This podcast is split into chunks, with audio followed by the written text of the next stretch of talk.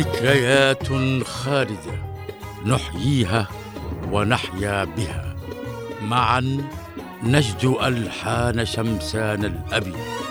فليسمع الكون. إنا على العهد سائرون. في موكب النور نحو الفجر بالنصر المبين. فجر شمسان البداية. الحلقة الأولى. تستمعون الآن إلى هنا عدن إف إم. 92.9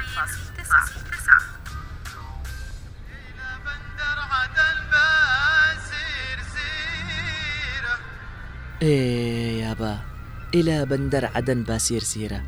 كيف يا أبا فقدان للأغاني هادي ولينكهات تانية ثانية في داخل البلاد؟ وكمان فقدان للجلسة معاك. وشرب القراص الشاي. تعرف إيش أحلى حاجة؟ إن الحافة حقنا زي ما هي ولا تغيرت. وأنا كمان يا ابني والله. حافتنا هذه من زمان زي ما هي وإن شاء الله تظل زي ما هي. بس صدق يابا أنا زعلان منك كتير والله. زعلان مني؟ أيوة زعلان منك لأنك كنت مفروض إنك تحكي لي حكاية نضال شعب الجنوب. الحكاية التي كانت من زمان لازم أعرفها. كيف قامت الثورة؟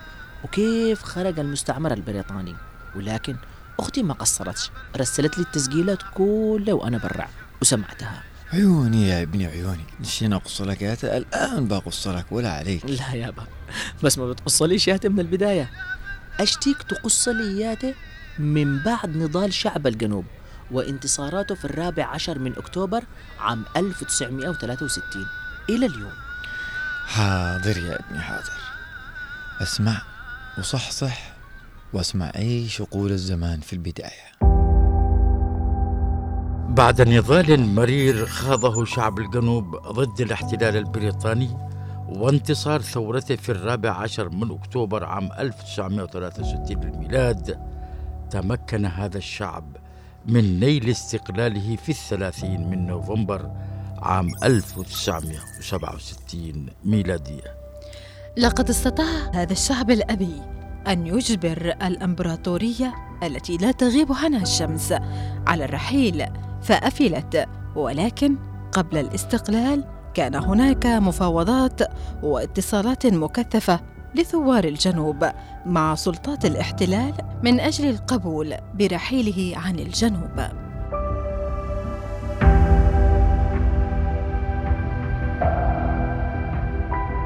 بدأت المسيرة السياسية والدبلوماسية وعملية التواصل مع الحكومة البريطانية من أجل الاستقلال وفي أقرب وقت ممكن وجاء ذلك في الوقت الذي بلغ فيه الكفاح المسلح أوج عنفوانه الأستاذ خالد عبد العزيز عضو الوفد الجنوبي المفاوض الذي تسلم الجنوب من بريطانيا تحدث عن ذلك. التواصل بالقول. بدأت تواصل الجبهة القومية تواصلت مع وزا- وزارة الخارجية. البريطانية وأشعرتها أن الجبهة القومية مستعدة أن تستلم ال- النظام وتحفظ الأمن والهذا وأن الجبهة القومية هي عمليا دولة أمر واقع ونريد أن ننتقل إلى دولة قانون عن طريق التفاوض حول مصير إلى هذا. وهذا شيء يهمكم. إنه لا يمكن لا يمكن تسحبوا القوات وتتركوا البلد في فوضى مسؤوليتها يعني. جت الموافقة من الخارجية البريطانية إنه تفاوض معنا. في الحادي عشر من نوفمبر 1967 للميلاد قام سيف الضالعي عضو القيادة العامة للجبهة القومية بإبلاغ وزير الخارجية عن طريق المندوب السامي بأن الجبهة القومية باعتبارها الممثل الوحيد للشعب تتولى السلطة الفعلية في الجنوب وإنها قامت بتشكيل وفد عهدت إليه بمهمة التفاوض مع بريطانيا ونقل السلطة السياسية إليها. وتم الاتفاق على أن تجري المفاوضات في جنيف في نوفمبر من العام نفسه بين وفد الجنوب العربي برئاسة قحطان الشعبي والبريطاني برئاسة اللورد شاكلتون.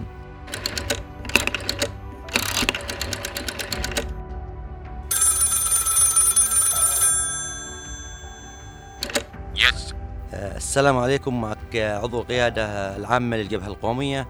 ونحب نقول لكم بأننا في الجبهة القومية وباعتبارنا الممثل الوحيد لشعب الجنوب Okay.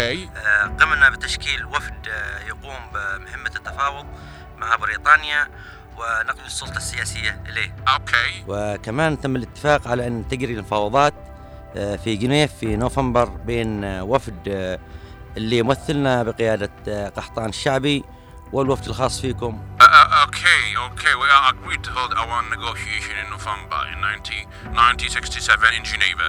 Uh, we must form uh, a negotiating delegation for South Arabia to grant you independence.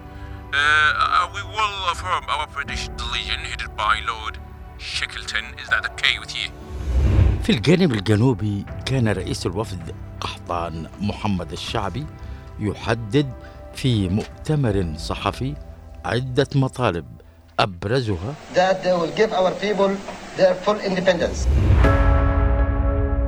لقد أكد قحطان محمد الشعبي على إصرار شعب الجنوب على تحقيق الاستقلال الفوري وانتقال السياسة إلى الحكومة الوطنية والتأكيد على وحدة أراضي الجنوب بما في ذلك الجزر إضافة إلى ذلك رفض الاتفاقيات العسكرية بما في ذلك الدفاعية وأن تقوم بريطانيا بتسليم ممتلكات الجيش البريطاني في الجنوب إلى الحكومة الجديدة. وكذا رفض الأحلاف السياسية والانضمام إلى الكومنولث البريطاني وإنهاء كل المعاهدات والاتفاقات السابقة وأيضا رفض القيود الاقتصادية والمالية مع القبول بالارتباط بمنطقة الإسترليني لفترة محددة قابلة للتجديد والمطالبة بالمعونات المالية غير المشروطة.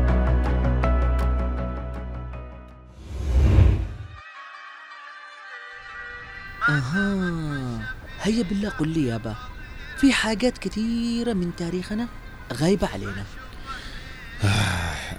غايبة عليكم يا ابني ولا أنتم ما تطلعوش ولا تبحثوا في تاريخكم؟ لازم يا ابني تطلعوا على تاريخ بلادكم ونضالات شعب الجنوب اللي وصلته إلى تحقيق الاستقلال في 30 نوفمبر عام 67 أمم على فكرة ذكرتنا حاجة يابا. بالنسبة للاتفاق على تحرير الجنوب أو استقلاله مش في سنة 1968 ميلادية ولا؟ آه يا ابني يا ابني الحكاية مش كذا الحكاية إنه بريطانيا أعلنت في 2 أكتوبر بالتحديد عام 65 إنه بيبقى له في عدن لما عام 68 ها يعني كلامك صح يابا لحظة لحظة يا ابني ما تستعجلش اسمعنا تمام. ركز معي. خلينا أخلص كلامي. بريطانيا كانت تنوي أنها تخرج سنة 68 الثوار الشعب كله ثار وأصر إلا أن بريطانيا تخرج عاجلا وليس آجلا. ما عاد يطيق رؤية بريطانيا في البلاد الناس خلاص. يخرج يعني يخرج المستعمر فورا من الأرض الجنوبية بأي شكل من الأشكال. لما التزمت بريطانيا الصمت بعد إعلان هذا ما كان من الشعب إلا يوسع من ثورته وازداد لهيبته في كل مكان.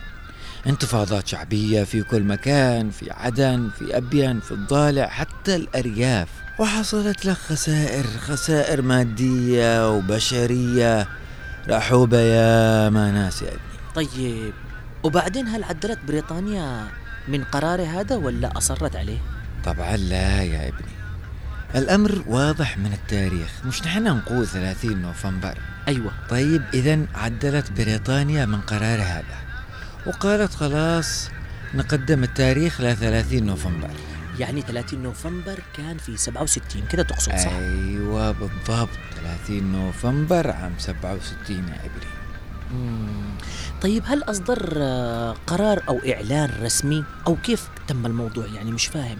شوف شوف يا ابني في 14 نوفمبر عام 1967 أعلن وزير الخارجية البريطاني جورج براون أن بريطانيا على استعداد تام لأن تمنح الاستقلال للجنوب في 30 نوفمبر عام 1967 آه، أبا آه، آه، خير. أحسك مريض. لا لا ما في حاجة أنا بخير. تعرف أبوك بس شباب يضحك. ربي يحفظك يابا والله إنك عقل أشب مني ومن الجيل الجديد هذا. طيب خلينا نكمل. يعني خلاص مش في 9 يناير عام 1968 يعني زي ما خططت بريطانيا من قبل. أيوة ها وكيف؟ بعد ما ذاقوا ولاية النار والحديد من الشعب؟ وبعدين هل اتفقوا على المفاوضات؟ آه، مش كده صح؟ صحيح صحيح. كلامك صحيح بالضبط. بعدين اتفقوا على مفاوضات وتم تشكيل وفد الجنوب برئاسة قحطان محمد الشعبي ووفد بريطانيا برئاسة اللورد شاكلتون. لقد تألف وفد الجنوب المفاوض للمفاوضات من أجل الاستقلال من ستة أعضاء. رأسهم قحطان محمد الشعبي وعشرة مستشارين. فيما تألف الوفد البريطاني من اللورد شاكلتون رئيسا ومعه 13 مستشارا ومترجما. بالإضافة إلى هارولد بيلي سفير بريطانيا بالقاهرة الذي انضم للوفد البريطاني لاحقا.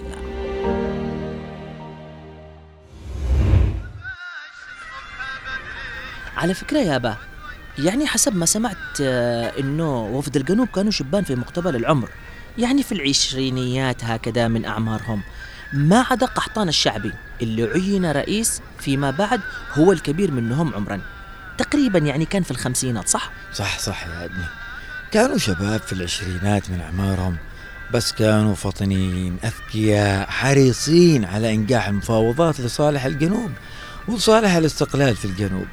طيب بالله عليك يابا كيف كانت تمشي هذه المفاوضات والمفاوضين شباب؟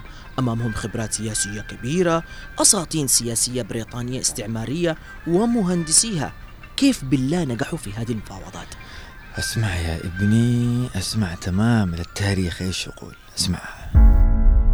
قبل التاسع عشر من نوفمبر عام 1967 للميلاد وهو موعد بدء المفاوضات وصل وفد الجنوب التفاوضي إلى مطار جنيف.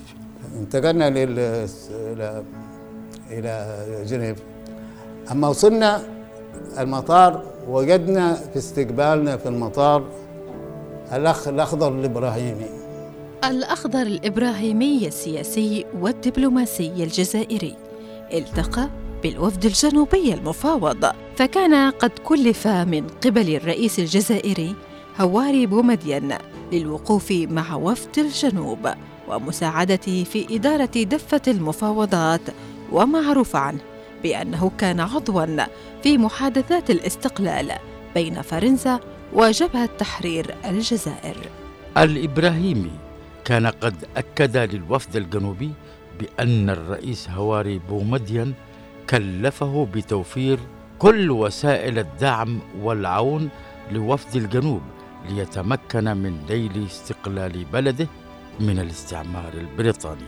استقبل نحن وقال أنا موجود هنا بأوامر من الرئيس هواري بومدين وأنا تحت تصرف الوفد.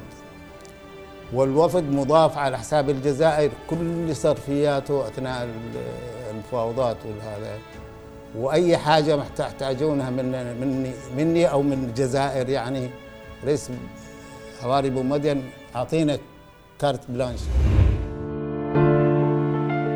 وفد الجنوب المفاوض رغم حداثة سنه إلا أنه كان يعي جسامة المسؤولية الملقاة على عاتقه خاصة أنه مفوض تفويضا كاملا من القيادة العامة للجبهة القومية باعتباره يتكون من أبرز قياداتها التاريخية. كما كان يدرك أنه سيواجه في المفاوضات أساطين السياسة البريطانية من ذوي الخبرة والميراث والتجربة لكنه على طراوة عوده كان ممتلئا بالاعتزاز بالنفس والثقة بالتنظيم الذي يمثله خاصة أنه خرج لتوه منتصرا في ثورة شعبية دامت أربع سنوات وجعلت الإمبراطورية التي لا تغيب عنها الشمس تغيب عنها إضافة إلى إيمانه العميق بعدالة القضية التي يمثلها. لذلك لم يكن وفد الجنوب متخوفا أو متهيبا من المفاوضات فخاضها بكل ما لديه من إمكانية باذلا أقصى ما يستطيع من جهد.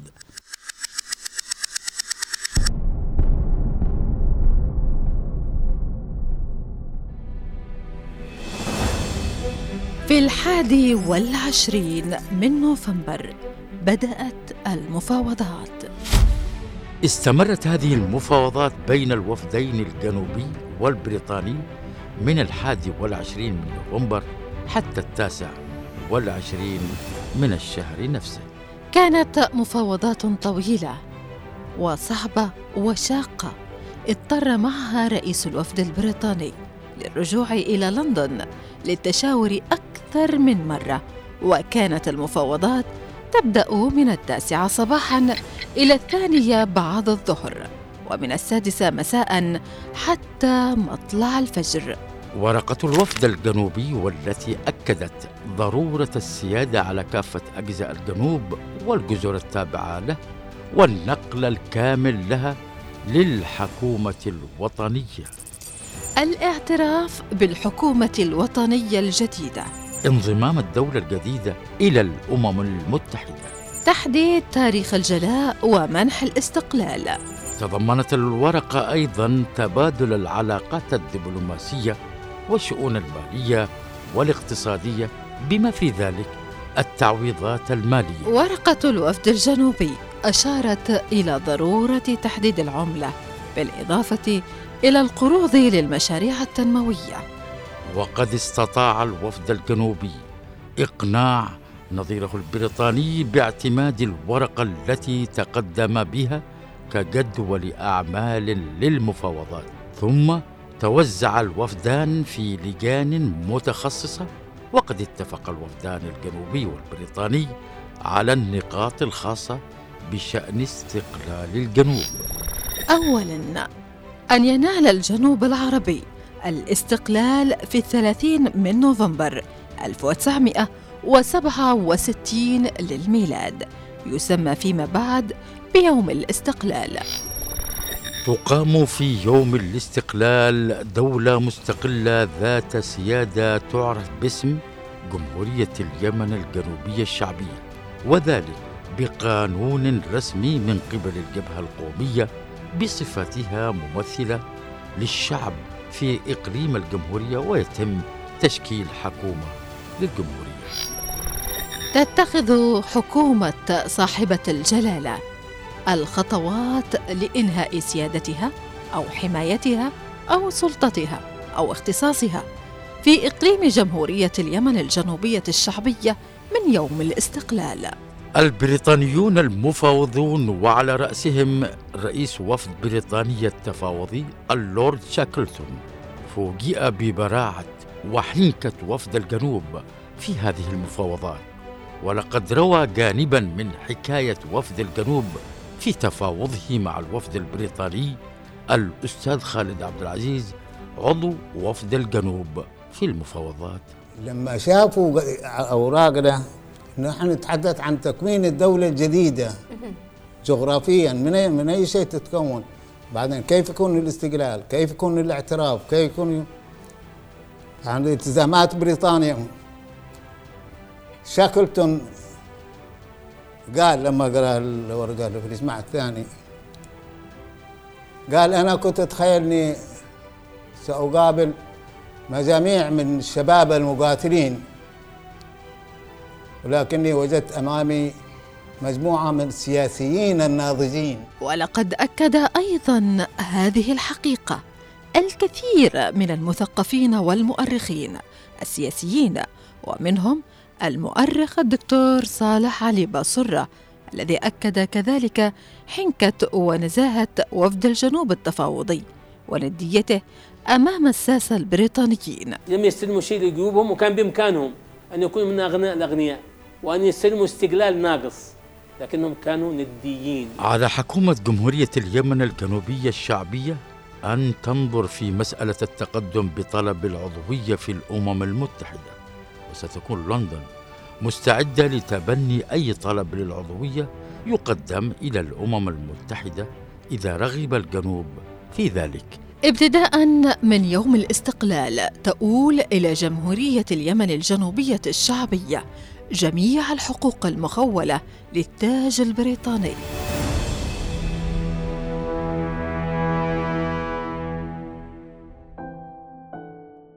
فجر شمسان. تأليف أحمد صالح ربيعة معالجة درامية غسان صلاح. بطولة محمد الديني غسان صلاح أحمد ربيعة أماني مجمل. تمثيل وفي العريبي غيث أحمد إشراف مباشر محمد العمودي إشراف عام عبد العزيز الشيخ إخراج نوار المدني خالد الشعيبي. هذا العمل خاص لإذاعة هنا عدن اف ام لعام 2023